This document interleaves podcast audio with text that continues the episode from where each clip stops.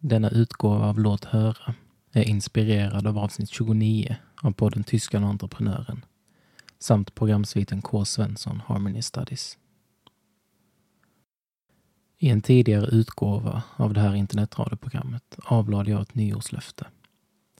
Jag lovade att jag under 2017 alltid skulle klippa mig i tid. Med det menade jag att jag alltid ville ha en anständig frisyr. Under den första dagen i Kiev, när vi gick tillbaka från restaurangen där vi hade ätit en undermålig måltid, kom detta löfte till mig. Vi passerade förbi en frisörsalong och gick in. Den låg inhyst på källarplan i en stor betongkoloss som till utseendet inte såg mycket ut för världen.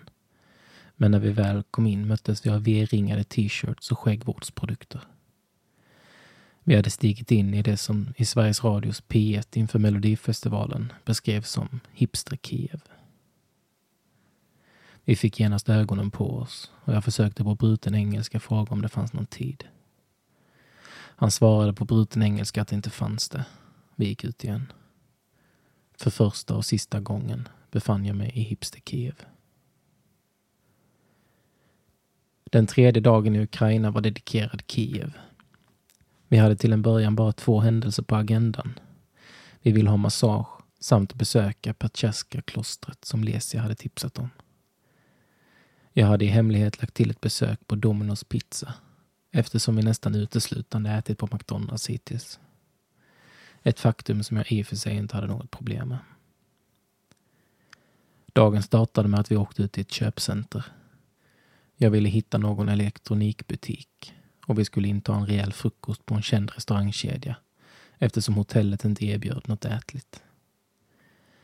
Resan till köpcentret gick med en Uber. Chauffören var en man i 40-årsåldern som direkt började fråga ut oss. Han berättade att han hade varit i Uppsala. Vi frågade om han kände till något bra massageställe och då tittade han på oss i backspegeln. Vi fick förtydliga att det var just massage vi ville ha och ingenting annat. Vi fick ett tips och bestämde oss för att testa det senare under dagen. Väl framme på köpcentret upptäckte vi att det var ett ganska tråkigt ställe som inte erbjöd särskilt mycket. Förutom en sportaffär med billiga hajkryggsäckar. Jag visste att min bror var på jakt efter en, så jag frågade honom om han ville att jag skulle köpa. Förmodligen var det ration pris-volym som fick honom att slå till. Jag stoppade ner min egen ryggsäck i det nyköpta och började fundera på om det fanns fler köpcentrum att titta på olika elektronikprylar i. Jag hade sett att Lesia hade gillat Låt höras Facebook-sida och eftersom hon var den enda jag kände som kunde Kiev skickade ett meddelande på Messenger till henne. Hon gav ytterligare några tips och vi letade oss vidare. Så småningom hittade vi fram till det rekommenderade massagestället. Vi gick in på vinst och förlust, men fick veta att det inte fanns någon tid förrän några timmar senare. Vi bestämde oss för att åka till Patjaska-klostret under tiden. Vi kallade på en Uber. 18 kronor senare befann vi oss på klosterområdet. Det är lite imponerande sådana här präster går runt i guldkostym. Jag tänker det är lite häftigt i sig. Det förstår jag. Du, nu har vi kommit in här i... i Pe...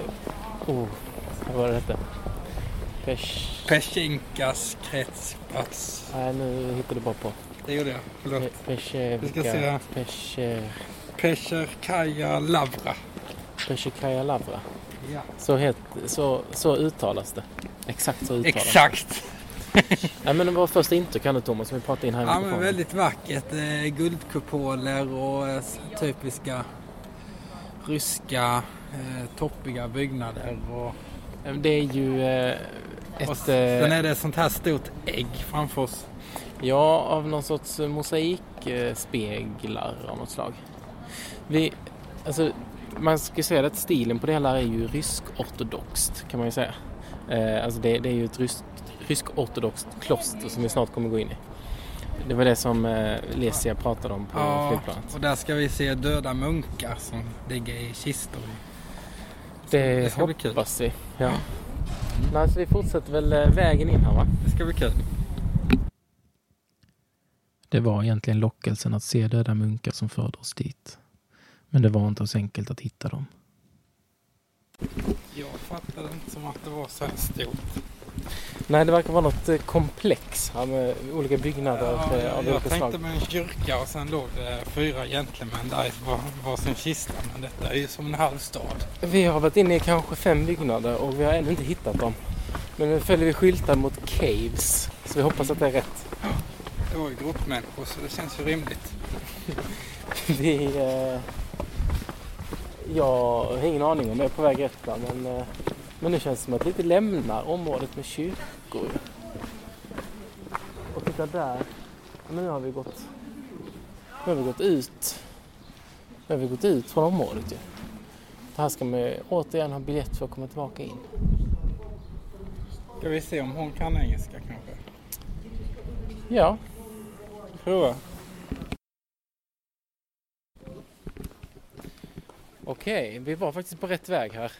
Ska vi bara se så att vi inte blir... En 80-årig tandlös man kan bättre engelska än guiden. Ja, det var Men, rätt spännande. Det var ju bra. Men vad tror du han har haft för liksom levnadsöde?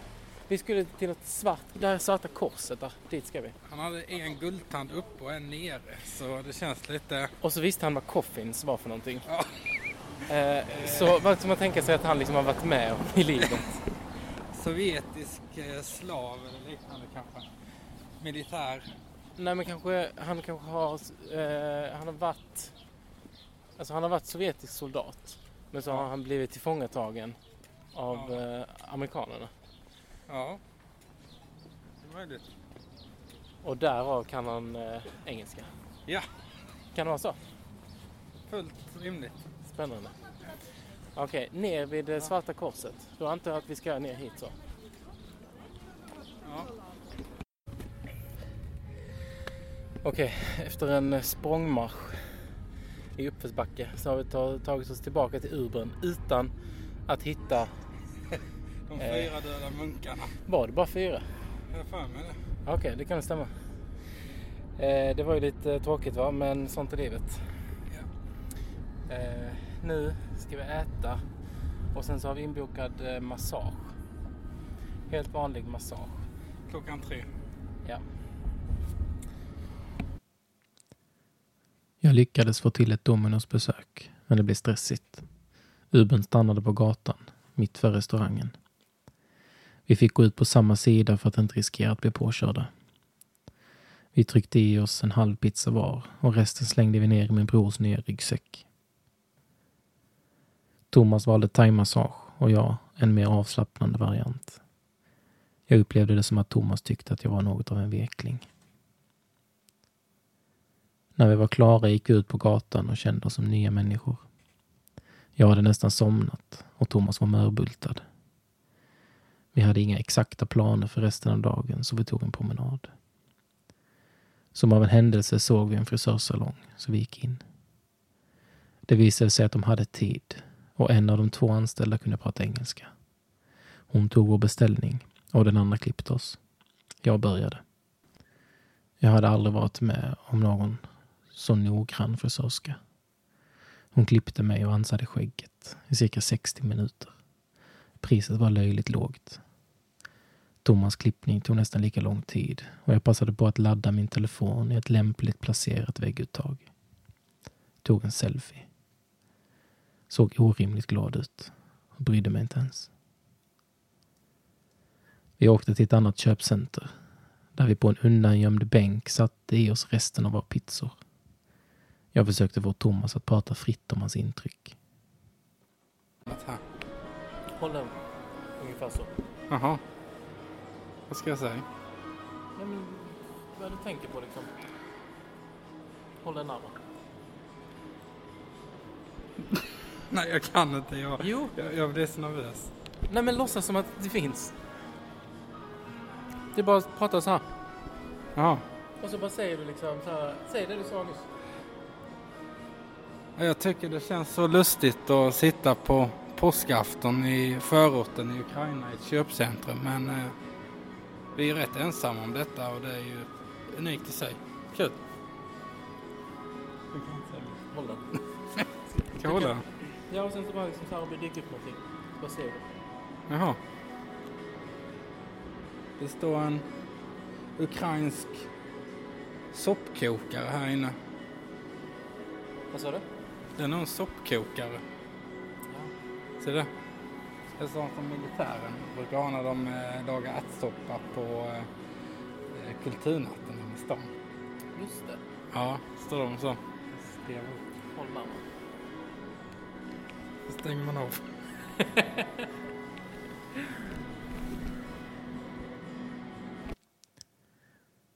Sedan var det dags att åka in till centrala Kiev.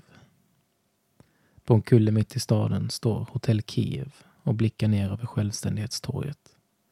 Ett 400 meter långt torg som är symbolen för ett fritt Ukraina. Vi har tagit oss till eh, Självständighetstorget i centrala Kiev. Ja. Det är stora vackra byggnader. Eh, nationalhotellet, stora Sovjet... Eh, vad heter det? Pyramider? Nej. Statyer. Ja, nu är det ju inte det längre va? Nej, För att eh, Ukraina just det, blev det du eh, självständiga från eh, Sovjet Just det. 1991. Men eh, den kan ju ha varit uppförd, uppförd innan dess. Vilket menar du?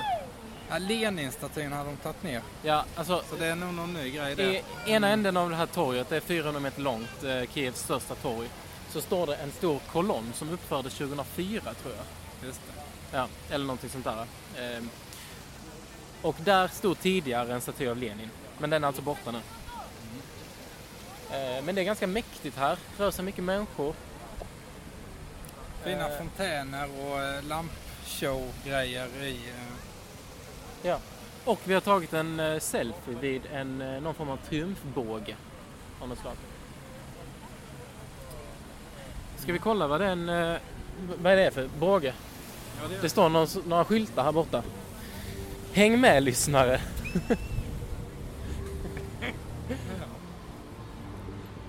Nu ska ni få intressant information här. Om de har vett att skriva på engelska, det har de. Eh, Självständighetstorget, det centrala torget av Kiev, bla bla bla.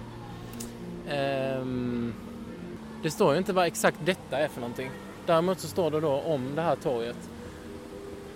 Om- Det finns lite, alltså alla revolutioner i Ukraina har ju skett på det här torget. Eh, Orangea revolutionen 2004 till exempel. Eh, Euromaidan eh, 2013-2014.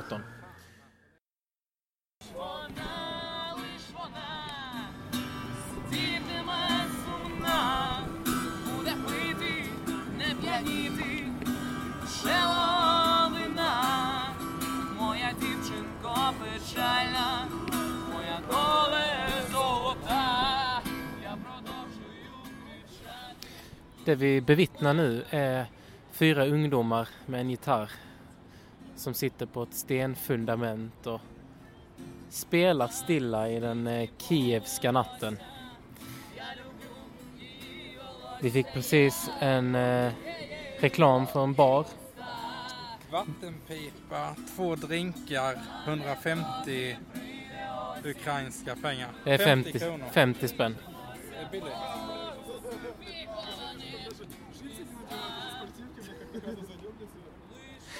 Byggnaderna runt om det här torget är eh, upplysta med fasadbelysning. Som en eh, fin kontrast till den mörkblåa himlen lyser de ganska orangea i kvällen. Det påminner ju lite, lite, med lite god vilja om den ukrainska flaggan.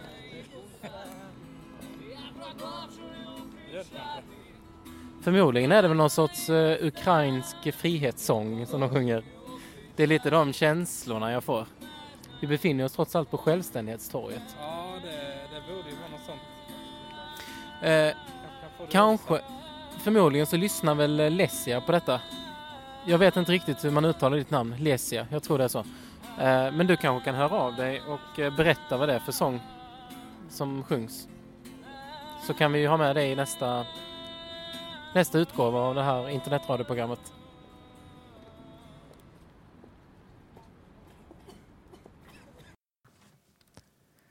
Efter att vi lyssnat på både den eventuella frihetssången, en ukrainsk version av Halleluja och ett förmodat helande möte där en kvinna blev fri från smärtor i knät. Allt att döma av scenen som utspelade framför oss begav vi oss till McDonalds. Jag behövde gå på toa.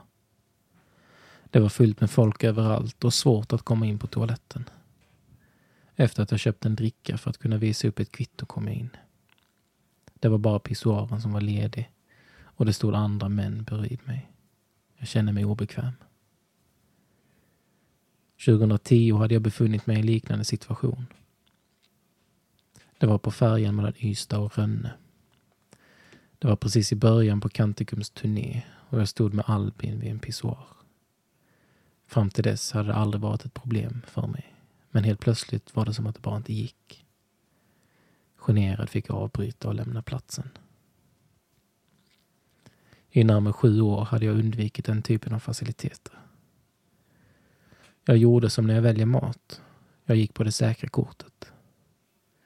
Men där, på McDonalds, i ena änden av självständighetstorget i Kiev, hade jag inget val. Det var pissoaren som gällde. Som av ett under lyckades jag låta mitt vatten. Det blev nästan som en symbol för mig.